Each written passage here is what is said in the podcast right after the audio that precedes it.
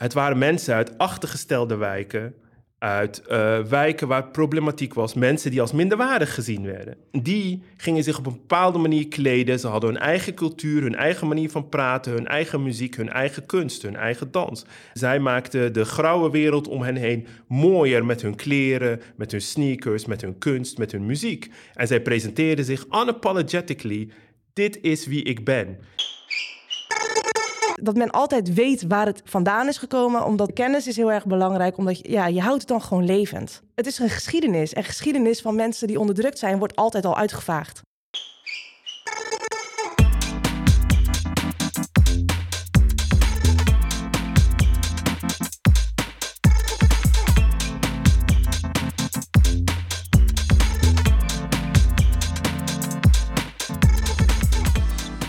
Welkom bij Sneak Ears, de podcast over de tentoonstelling Sneakers Unboxed, nu te zien in Design Museum Den Bosch.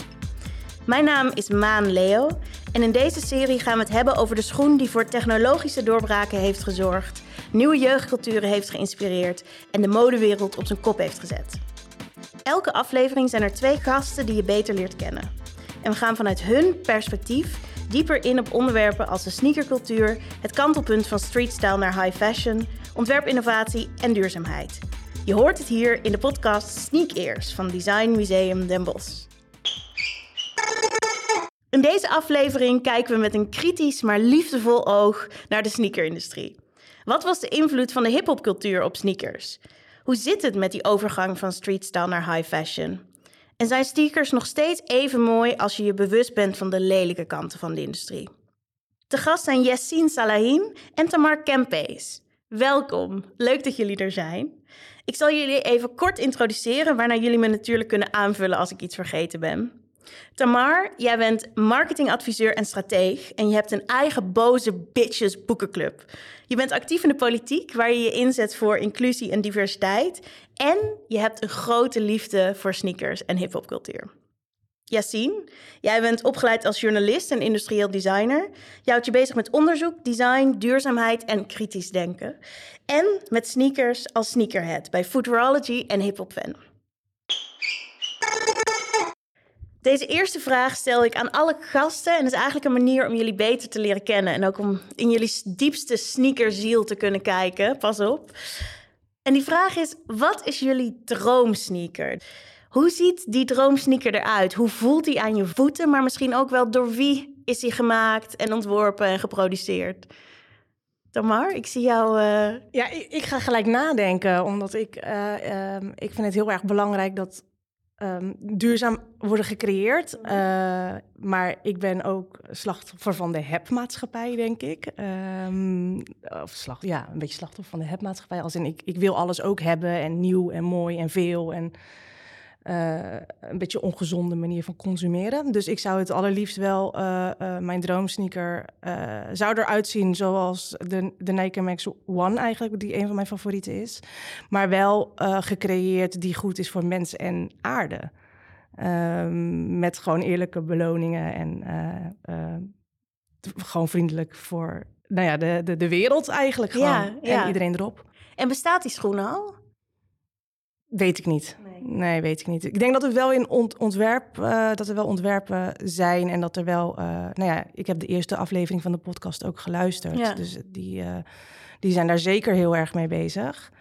Um, maar um, niet de Nike Max One. Nee. En dat is dan wel, dat is mijn favoriete sneaker. Ja. En hoe ziet die eruit? Want nu hebben we het heel erg over hoe die gemaakt is en wat die toevoegt of, of niet aan de wereld. Heb je nog een, een print of een kleur of een materiaal waarvan je zegt: Oh, daar gaat mijn hart echt harder van kloppen?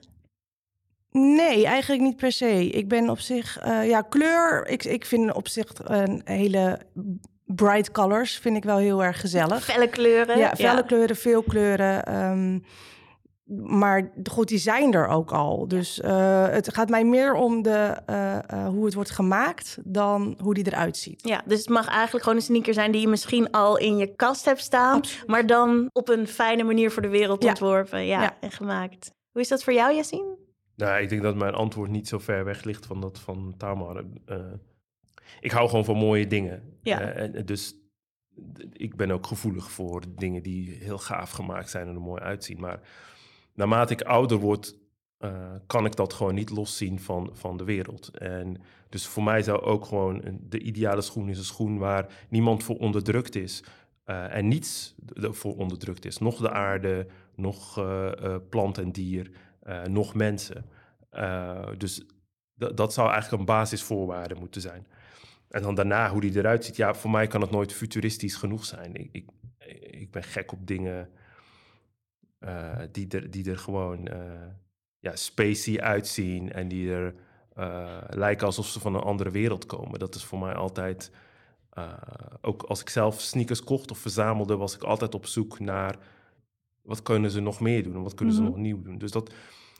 Ja, dat zou voor mij het ideaal zijn. Een schoen die, die zichzelf zou repareren, die, die, die makkelijk weer terug te geven is aan de natuur of ergens anders voor gebruikt wordt of die 2000 jaar meegaat. Eh, al dat soort dingen zijn voor mij heel erg belangrijk. En dan de esthetiek, ja, dat, dat, komt dan... Dat zou eigenlijk hand in hand moeten gaan. Ja. Weet je wel? Aesthetics are a given, maar eh, eh, dat andere zou ook een given moeten zijn. Ja. Weet je? Dat het gewoon goed is voor de natuur en goed is voor de wereld. En ja, en, want ik ben altijd benieuwd naar het nieuwe. Dus Ja. het zou voor mij geen retro-model zijn of zo, maar ik ben gewoon benieuwd van, oh ja, wat... het zou in ieder geval iets heel sleeks en heel... Heel kleurrijk ook, want ik hou ook heel veel van kleur. Ja, En, want eh, dit is een podcast, dus mensen kunnen jullie Niet- zien. Maar als ik nu naar je kijk, dan heb je een blouse aan met felle kleuren en prints. En over je jas hangt nog een, hangt nog een jack met, eh, met een wilde print. Met Ja. roze en rood en groen en zwart en een ja, soort bloemen meer kleur erop. in de wereld. Meer kleur is beter. Ja. Ja. Jullie beschrijven allebei dat je dat het nieuwe je heel erg aanspreekt. Je wil, je wil de nieuwste dingen, maar daar zit wel een soort spanning in. Want in de vorige podcast hadden we het bijvoorbeeld over dat repareren een heel belangrijk duurzaam uitgangspunt is. Maar dat zou ook betekenen dat je dezelfde schoen vijf jaar lang draagt. Zijn jullie bereid om dat offer te doen? Tuurlijk. Dat je niet, Daar meer, dat je niet meer het allernieuwste hebt. Voor mij is het voornamelijk de dropcultuur. Dus constant eh, zeven dunks die gedropt worden in een week tijd. Dat, daar, ik doe daar niet meer aan mee. Ehm, ik, ik ben heel erg selectief geworden op wat ik wil. En ehm, ik ben ook echt aan het kijken naar modellen die uit het verleden komen... om die toe te voegen aan mijn verzameling op die manier. Ik hoef niet zeven dunks te hebben in 28 verschillende kleuren. En voor de mensen die niet weten wat een dunk is. Ja, hoe moet ik dat uitleggen? Het is best wel een basic schoen, toch? Ja, ja, het is best een hele bijzondere schoen, nee, toch? Het is Nee. een hele leuke schoen wel, Ja, hoor. het is een Eh, bepaald model, hè? Ja. Ja. maar dat is natuurlijk Ja. super stom wat ik zeg, want ik doe dat wel met Nike Max One. Dus Ja. het is gewoon het model voor mij. maar ook niet alle Nike Max One modellen hoef ik per se te hebben. Want ze zijn ook allemaal al een keer uitgebracht met een net ander kleurtje groen en een net ander kleurtje roze. Ja, waarom En je hoeft dat niet doen? meer je kwartet dan eh, Nee. compleet te hebben. Hoe is dat voor jou, Yassine? Ja, als ik, als ik het heb over nieuw, betekent voor mij, eh, zeg maar, nieuw gaat voor mij over creativiteit. Dus eh, het proces van creatie. Iets wat er eerst niet was, dat er opeens is. Dat heeft mij altijd gefascineerd. Dat is ook een van de redenen waarom ik eh, ontwerper ben. En ik vind dat, ja, ik vind dat iets goddelijks. Hè? Dus dat, dat er iets niets is en dan pakken we dingen en dan creëer je iets. Ja, dan staat er een soort sprankje. Ja, precies. En dus voor mij kan reparatie. Mensen denken al bij reparatie altijd dat je iets in de oude staat herstelt. Maar repareren kan ook betekenen dat je iets, dat je daar iets nieuws van maakt. Hè? Ja. Dat je het vooruitbrengt, dat je het update, dat je er nieuwe dingen bij doet. Een soort van renoveren. Ja, renoveren. En eh, wij, wij denken altijd aan restaureren, weet je wel. Een monument, en dan moet in... oor- Maar je kan ook zeggen van, ja, nee, wacht even. We gaan het updaten en verbeteren. Dat hoort er bij mij ook bij. Ik bedoel, bijvoorbeeld eh, Japanse landbouw- en visserskleding... die continu die kleding gewoon herstellen met steekjes, met dingen. En dan ontstaat er gedurende de jaren... ontstaat er gewoon een werkpak wat met historie, verhalen. En het is niet meer hetzelfde pak. Eigenlijk Ja. hetzelfde zoals wij zelf ook zijn. En dat, eh, dat vind ik, dat is voor mij het nieuwe. Dat zou voor mij nieuw moeten zijn. Mooi beeld. Kan je dat ook, want ik, ik kan me dat helemaal voorstellen bij een shirt of een broek. Hoe zou dat eruit zien bij een schoen? In essentie is dat altijd het geval geweest met schoenen. Eh, iedereen denkt, leer bijvoorbeeld, vergaat heel slecht. Dus ze, ze, ze eh, graven nu nog steeds Romeinse sandalen op van 2000 jaar oud. Ja, daar zijn de archeologen heel blij mee. Ja, maar... die zijn, dus het is super duurzaam in Ja. die zin. Hè? Het is niet duurzaam met, um, in verband met de dieren en dat soort zaken, maar Ja. qua materiaal. En schoenen vroeger eh, werden ook doorgegeven. Hè? Eh, mensen waren arm, zeker hier in Nederland, eh, hier in Brabant, in dit gebied. Je had een paar schoenen van, van vader. Die gingen van vader op zoon, op zoon, op zoon. En die werden hersteld. Het leer kon goed hersteld worden. De constructie was zodanig dat je er een nieuwe zool onder kon zetten. Dus soms denken wij met onze moderne ideeën van... ah ja, we gaan weer met technologie. Hè? Er is een technologie, dus we moeten hem gebruiken. En technologie is altijd goed, want het is iets nieuws. Maar dat is niet altijd zo. Eh, vroeger waren er maakmethoden die we nu niet meer hanteren, omdat we zijn gaan industrialiseren, eh, met, eh, met grote machines, zeg maar, massaproductie. En daarvoor komt standaardisatie en je kunt dingen niet meer aanpassen, want alles is erop gemaakt om zoveel mogelijk winst te maken, zo goedkoop mogelijk te produceren. dat dat idee van nieuw, nieuw, nieuw, dat hoeft niet altijd naar voren kijkend te zijn. Dat kan ook terugkijkend zijn. En daar zit ook veel waarde. Ja. Duurzaamheid is natuurlijk een, een enorm breed begrip. Hè? We, we kunnen het hebben, want ik had het al bijvoorbeeld over leer. Ja. Dan kun je over twisten of dat duurzaam is. Hè? En dus duurzaamheid vereist iedere keer weer een andere definitie. En er is niet één, ik zeg wel eens, complexe problemen kun je niet oplossen met simpele antwoorden. En iedereen is altijd naar een soort one size fits all. Dat vinden we eh, natuurlijk al heel fijn als het we- gewoon overzichtelijk en helder. En... we doen dit en dan is alles opgelost. Maar Ja. dat kan niet. Weet je. Nee. Het wereld is een complex systeem. Dus je zult alles moeten analyseren en voor ieder klein onderdeel een antwoord moeten hebben. En dus gaat dat over materiaal, over constructie, maar ook zeer zeker over consumptie, over belastingtarieven, over al dat soort dingen. Ja. Dus Ook best wel een beetje droge kost soms. Wat, wat het niet, belastingtarief is niet zo eh, eh, leuk voor in een tentoonstelling misschien. Dat is ook zo. Maar het, ik denk dat het wel eh, belangrijk is dat mensen weten van... We worden natuurlijk gebombardeerd. Daar hadden we het ook over toen we eroverheen liepen, over die tentoonstelling. Van ja, dat we allemaal ons steentje bij moeten dragen. En Tamar zei nog van ja, een beter milieu begint bij jezelf. Maar je kunt als individu maar heel weinig uitrichten. Want dit gaat over zulke massale processen. En zeker met sneakers. Die ketens zijn ontzettend lang met outsourcing... Eh, het labeltje in je schoen wordt ergens anders gemaakt dan de schoen. En de veters komen weer ergens anders vandaan. En het is echt bizar. Dat, dat, dat los je niet zomaar op. Dus ik denk dat er... Het is heel interessant wat hier staat. Dus mensen moeten zeker komen kijken. en kijken naar, natuurlijk. weet je wel, van die craft oplossingen en dat soort dingen. Maar het vergt echt, eh, denk ik, ja, hele complexe antwoorden om dit op te lossen. ja. Jullie komen allebei uit Rotterdam. Grote liefde voor de hip-hop cultuur. En jullie hebben allebei ook wel verteld in interviews over de rol die sneakers daarin spelen. Wil je daar iets over vertellen, Tamar? Over microactivisme gesproken. Ik je ziet de sneakercultuur eh, op, op, op social media zoals Instagram heel erg groeien in een heel erg bepaalde hoek van, de, van, de, eh, van Nederland in ieder geval. Ehm, daar zie ik het groeien. En, wat voor een hoek is dat? Ehm, zonder mensen echt voor het hoofd te willen stoten, maar aan de andere kant eigenlijk ook niet zoveel om geven, is eh, gewoon echt een. Ik zie het als een soort van elitehoek, een soort van eh ehm, hockeymeisjes, eh, blonde, blonde, blonde vrouwen. En die mogen die sneakers dragen. Ik bedoel, laten we daar even. Dat, dat, dat is het niet. Dat, die gaan echt op de hype mee. Van oh, ze zijn nu populair.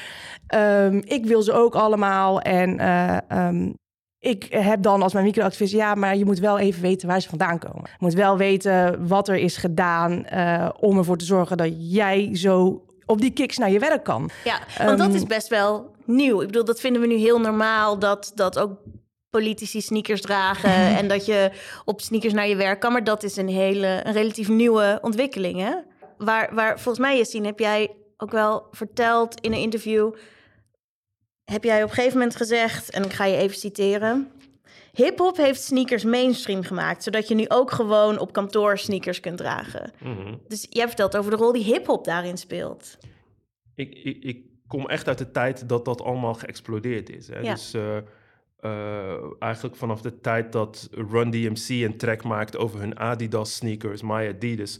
Die Tot- we in de tentoonstelling Ja, zien. ja, eh. totdat, to- totdat je eigenlijk in de, in de jaren negentig de explosie van eh, Jordans en op alle eh, hoesjes van cd's en platen, weet je al, toffe gasten en, en, en vrouwen zag in tracksuits en sneakers. En die, Maar er zat iets meer achter. Hè? Het is niet alleen maar. En, en, en dat is ook wat Ta- Tama naar refereert, is.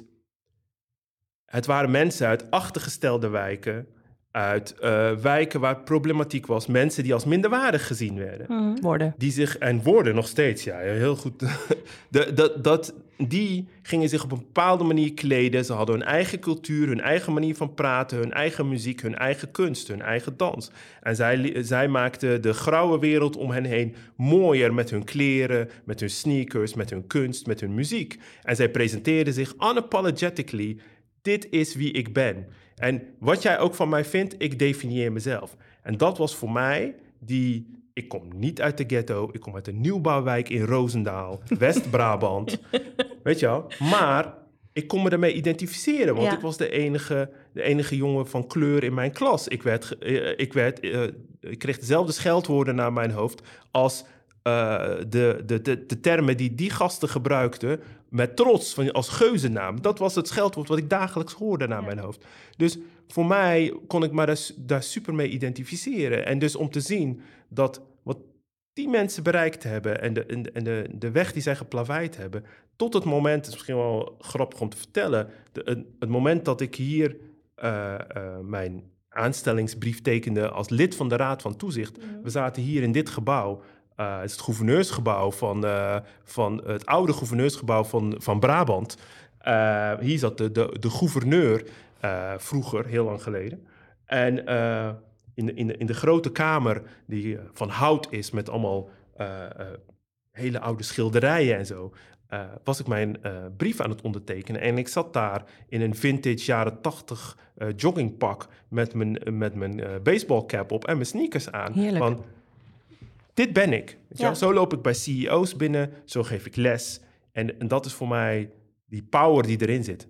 Take me as I am. Weet je wel? Ik definieer mezelf. Eh, en en dat, dat, is, dat vind ik zo krachtig daaraan. En dat is eh, wat de kracht is van die cultuur. Er zijn maar weinig eh, culturen die dat, die dat hebben kunnen doen. Hè? Ja. Subculturen, als het dan zo mogen. Ja, en dus daarom is de verschuiving naar de mainstream heel erg een soort van bijna cultural appropriation te noemen, eigenlijk. Ehm, dus, dus ik vind dat je het heel erg heel mooi uitlegt ook. Ehm, je ziet gewoon eh, jonge mensen die dus een ongelofelijke following eh, creëren en eh, dat soort zaken, zonder eigenlijk gewoon te weten waar het vandaan komt. En nou ja, de geschiedenis die Jessie net vertelde, hoe belangrijk dat is om te weten. Maar tegelijkertijd betekent het feit dat het mainstream is geworden, betekent ook dat het kan. Dat je naar kantoor kunt op je Ja, sneakers. ik- ik ben precies dus, zoals dus daar zit wel, ja. ik, ik, ik voel een soort van spanning daar. Enerzijds, enerzijds zeg je van nou, het is, het is belangrijk dat mensen die geschiedenis kennen, dat ze weten waar het vandaan komt. En dat, dat zou je als negatief kunnen interpreteren. hè, Dat mensen, dat, dat je zegt, eh, Ja, maar dat is het dus niet. Nee. Het is gewoon belangrijk dat mensen weten waar die cultuur vandaan komt, zodat de cultuur altijd blijft leven zoals die is ontstaan. En dat Ja. betekent niet dat het hoeft te blijven zoals die is, want dat is ook nieuw. Dingen veranderen. Eh, de- weet je, er komen aanpassingen, er komen, er komen groepen bij. Dat, weet je, ook, ook hip-hop zelf is natuurlijk, heeft een evolutie doorstaan. Ehm, maar we hebben het hier natuurlijk niet over, de, eh, over de, het genre, over het muziekgenre. De, de hip-hop cultuur is echt een, op, op zich een, een losstaand way of life is het. eh, waar heel veel andere zaken onder vallen. Ehm, en dat het dus een evolutie heeft doorstaan. En dat er dus heel veel mensen zich hebben aangesloten bij die cultuur. zonder dat ze misschien weten dat ze zich hebben aangesloten bij die cultuur. Vind ik het dus belangrijk dat het altijd, dat men altijd weet waar het gewoon vandaan is gekomen. Omdat kennis is heel erg belangrijk. Omdat je, ja, je houdt het dan gewoon levend. ja. En dan, het is een geschiedenis. En geschiedenis van mensen die onderdrukt zijn, wordt altijd al uitgevaagd. Ja, en ik denk dat daarin ook wat je zegt van dat het kan, dat is, dat is het gevaarlijke van mainstreaming. Is wat hip-hop heeft laten zien, is dat het altijd kan. Het is niet pas als de mainstream het valideert dat het dan gerechtvaardigd is of dat het dan eh, geaccepteerd is. Eh, de, de, de mensen die op de metro's eh, graffiti maakten, het kon niet, ze deden het wel. Hè? Maar het is niet zo dat graffiti pas waarde kreeg toen het in een museum terecht kwam. Ja. Nee, had, sterker nog, voor die gasten en, en, en, en, en, en ladies was het, een, eh, was, het een, eh, was het pas belangrijk als je peers zagen dat die, dat, dat treinstijl voorbij kwam. Ja, dat zie je tag En- herkennen Precies, en zo. en, dat, en, en dat geldt hetzelfde voor... Ik trek gewoon die sneakers aan.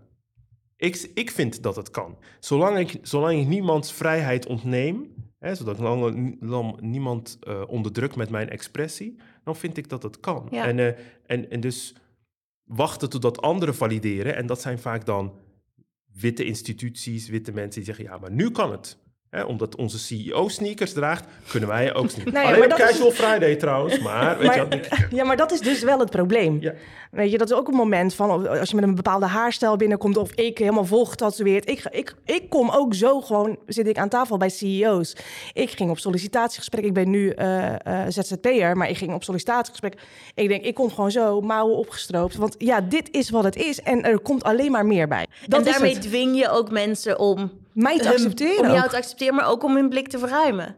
Ja, absoluut. Ja, en, en trouwens niet eens om mij te accepteren, want I couldn't care less. Ja, je accepteert Maar- jezelf wel. eh. Precies, precies. En als je mij niet aanneemt omdat ik er zo en zo uitzie, ja, dan moet ik sowieso al niet voor je werken. Nee. Eh, maar het, eh, ja, dat is ook gewoon een vorm van ja, hip-hop, omdat het is gewoon het identificeren van jezelf. Jezelf zijn op jouw eigen manier. Ik wil het eigenlijk nog wel eventjes hebben, Tamar. Je hebt je ook uitgesproken over vrouwen in de sneakerindustrie. En eh, schoenen die vaak in kleine mate beschikbaar zijn, maar dan wel niet in kleine mate beschikbaar zijn. En als ze wel in kleine mate beschikbaar zijn, dan hebben ze glitters en pastelkleurtjes. Vertel daar eens wat meer over. Ja, kleine maten zijn voor vrouwen vaak. Ehm, en als het voor vrouwen is, moet het zoet, lief, schattig en roze zijn. Waarom? Want jij wil geen roze sneakers. Tuurlijk wel. Ik wil neonroze. Ik wil dat het knalt. Ik wil dat je er boos van wordt en blind van wordt. Maar het is, ehm, het is ik heb 37,5. Niet heel erg groot, niet heel erg klein. Nee. Heel veel colorways beginnen vanaf 38,5. En dan Ja. heb ik het over colorways. En dat is zeg maar het kleurpatroon van de schoen. Die vind ik prachtig. Maar ja, 38,5, dat pas ik niet. Eh, ik snap gewoon niet zo goed waarom. eh, en dat kan je, misschien weet jij dat, weet jij dat wel. Eh Yassine, maar ik, eh, ik snap niet waarom er zo'n ongelofelijke scheiding in gender moet zijn voor schoenen. Ik- Waarom ik is dat begrijp eigenlijk? niet. Weet jij dat, Jessie? Ja, eh, patriarchy, man. Ja, patriarchy. ja, Ja, nee, maar dat nee, is dat gewoon... begreep ik dan nog weer wel, maar ik bedoel dat het dus nog maar steeds- dat is ja, zo, dat weet je wel. Ik bedoel, zelfs, zelfs vrouwen... En er zijn... eh, ze zijn... Vrouwen zijn schaars ge, gezaaid in de, in de schoenen designwereld. hè. Mhm. Er zijn er wel gelukkig steeds meer. Maar eh, het- kijk, een schoen is een collaboratief proces. Het is een van de, Wat betekent dat? nou ja, het is een, een, een, een- schoen is altijd een teamwork. Dus wij denken altijd graag de individuele designer, de auteur. Maar daar is Ja. allemaal niks van waar. Want een schoen is namelijk... Mensen denken altijd, als ik zeg ik doe eh, dingen met schoenen...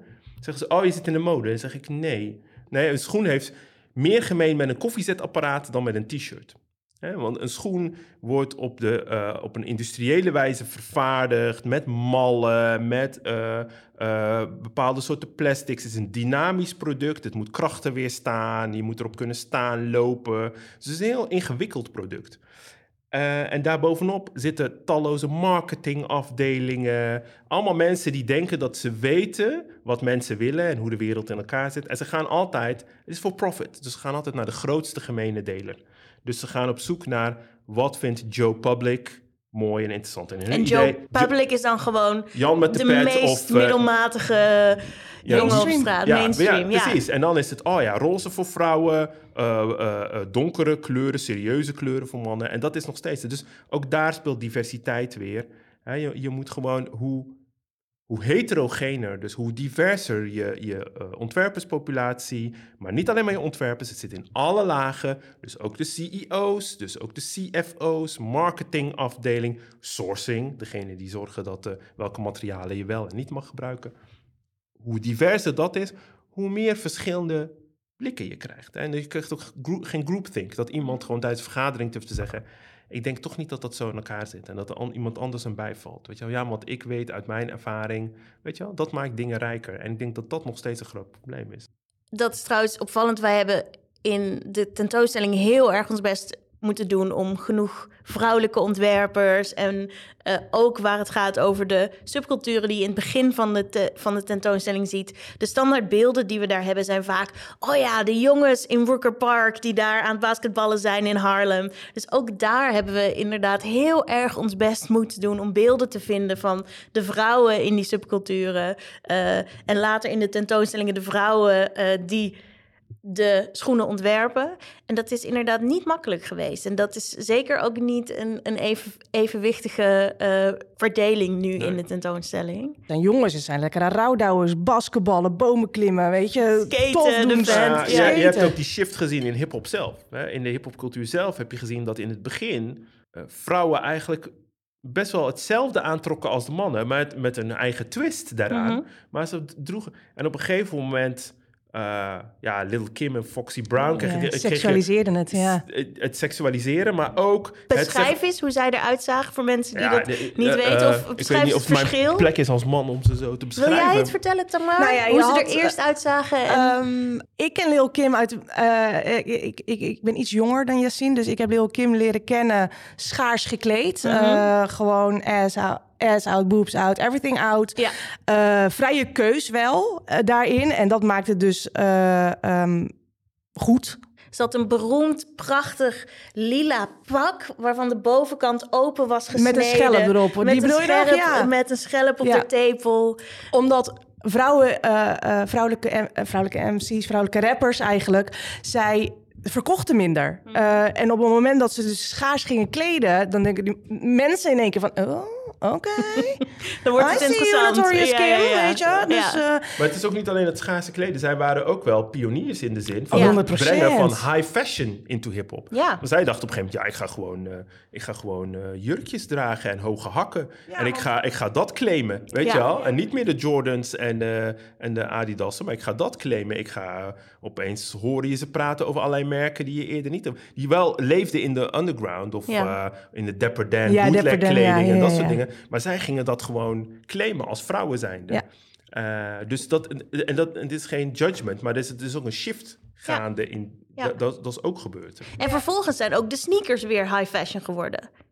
Op een gegeven moment. ik wil ze niet zien als high fashion. Nee? Waarom Nee. niet? Ja, omdat high fashion een, een, een milieu is waar het eigenlijk eh, niet thuis hoort voor mij persoonlijk. Mhm. Ik heb nul verstand van high fashion. Ehm, het is, eh, ja goed, dan is het, eh, het is, het wordt in één keer dan ehm, onbetaalbaar en ehm, ja, een, een, ja, god, wat moet ik, een soort van sprookje of zo.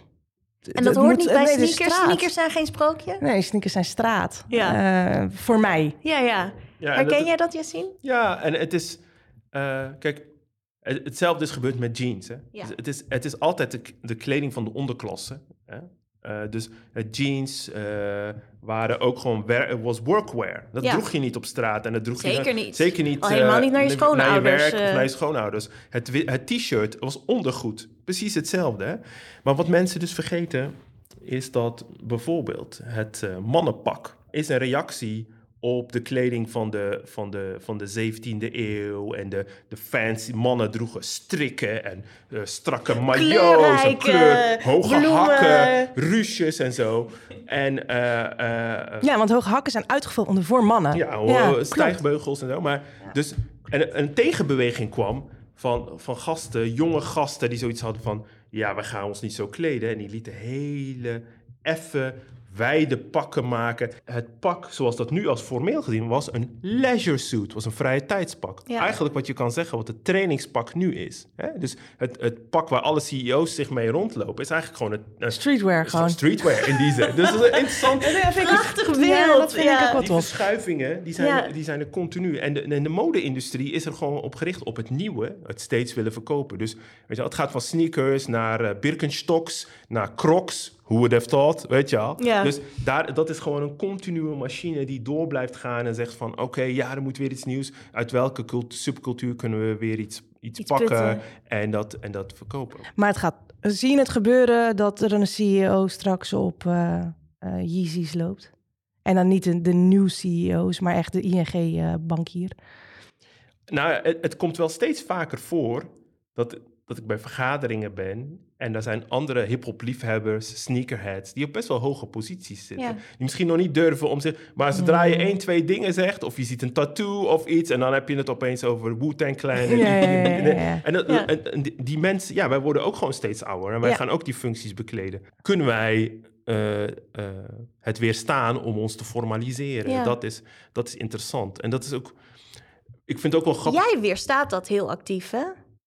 Ja, maar dat komt omdat ik mijn hele leven dingen heb moeten weerstaan. Dus dan op een gegeven moment wordt dat modus operandi. Ja. Weet je wel? Zo van ja, als de maatschappij me niet neemt zoals ik is, dan moet ik de maatschappij Ja. gaan dicteren. En jij doet dat ook, Tamar. Ja, ja zelfde reden. Ja, Zelfde reden. Ehm, ik, eh, ehm, ik wilde nooit. Ik wilde anders zijn en ik voelde me anders. En eh, dus ik ging me ook anders kleden Ja. en echt zoeken naar. eh, dus bij mij is dat vaak uh, oversized en groot. En, want ik wil gewoon vrij, vrij kunnen bewegen en kunnen manspreaden whenever I want to. Zonder dat iemand zegt: Ja, eh, even netjes zitten ja. jij. En sneakers zijn daar ook een, een beeld van. Maken er Ja. ook deel van uit. Ja, de sneakers zijn voor mij ook een soort echt nano-activisme, noem ik het graag. Eh, maar dat is puur omdat je, dus wat ik net ook al een paar keer heb gezegd, is dat je als vrouw, als vrouw zijnde wordt verwacht er op een bepaalde manier uit te zien. En dat is niet deze manier. Hoe ik er nu uitzie met sneakers, met een eh, boot, eh, bootcapbroek, een oversized jasje en een pet op mijn snuit. Het- je wordt verwacht van in een, een, een leuk schattig jurkje, lief, eh, netjes, rechtop, mooi zitten zijn. Ja, ik heb er toch helemaal geen zin in. Ik heb er helemaal geen zin in. Ik wil gewoon kunnen leven en lekker gewoon kunnen bewegen en lekker mijn ding doen. En kan je dat wel, eh, eh, weet je, doe het vooral. Maar verwacht niet dat ik dat ook doe. De sneaker als nano-activisme. Dat Ja. vind ik eigenlijk wel een mooi einde van dit gesprek. eh, Zou ik nog iets mogen zeggen? zeker. Ja, eh, omdat we het ook zo heel erg over mainstreaming hebben gehad. En het ging heel erg over hip-hopcultuur, wat ook belangrijk is. Maar ik vind ook die, die duurzame angle is misschien een beetje ondergesneeuwd geraakt. Ik vind het wel belangrijk. Waarin mainstreaming wel kan helpen, Mhm. eh, is bijvoorbeeld sustainable keuzes maken. Hè, dus als mensen eh, eh, zien dat de mensen die ze volgen, de, de, de, de mensen waar ze fan van zijn, Ja. dat die dat soort keuzes maken, De invloed, ja. dat, dat, dat, dan, dat vind ik de positieve aspecten van mainstreaming. Hè? Dus weet je wel, eh, sustainability ook als branding. Kijk, we, we kunnen die dingen ook subverteren. Hè? Ja. Zag ik iemand lopen met een Helmoet Lang jas waarop heel, weet je wel, dat is sustain, weet je wel, zolang het geen greenwashing is, want daar moeten we dan weer ook weer Ja. voor oppassen. Dus- Greenwashing, dat is het eh, dat je net doet alsof je heel sustainable Ja. bent, omdat dat nu de hype is, maar eigenlijk het niet. goed te weten waar dingen vandaan komen. Ja. Kritisch te zijn, dingen onderzoek doen. Maar in mainstreaming, weet je wel, als je dat mee kan krijgen, dan dat zou dat een positief effect eh, kunnen Ja, hebben. ja. Dat dat En ook dan is, is dus de keuze voor die sustainable sneaker weer een vorm van activisme. Dat kan, ja. Ja, ja, ja. Maar je wil ook niet de hele tijd, eh, weet je wel, soms wil je ook gewoon een keer heel veel friet met heel veel mayonaise eten. Zin in. Wel, meteen en- zin in. En niet eh, denken van, oh ja, ik moet weer broccoli eten. Weet Ja, ja, ja. Maar tegelijkertijd zijn die sneakers er natuurlijk ook. Ja. Ja, die zijn er zeker. Heel erg bedankt voor dit inspirerende gesprek. Dit was de tweede aflevering van Sneak Ears, de podcast van Design Museum Den Bosch. De tentoonstelling Sneakers Unboxed is te zien van 5 mei tot 16 oktober 2022. Wil je meer van onze podcast horen? Abonneer je dan in Apple of op Spotify. Wil je meer weten over de tentoonstelling? Neem dan eens een kijkje op onze derde verdieping, het online platform waar we de thema's van onze tentoonstellingen nog verder uitdiepen. Je vindt de derde verdieping op designmuseum.nl. Mijn grote dank gaat uit naar Judith Meinders en Sander Bergwerf van Outcast. Onze jingle werd gemaakt door Jelle Meeuwsen van We Hear You. De productie van deze podcast wordt verzorgd door Jente van den Wijngaard. De tentoonstelling Sneakers Unboxed is een samenwerking met het Design Museum in Londen en wordt mede mogelijk gemaakt door StockX, het Prins Bernhard Cultuurfonds Noord-Brabant, Fonds 21 en het Mondriaan Fonds. Tot de volgende aflevering. Kom allemaal. Kom allemaal, kijken. Kom kijken.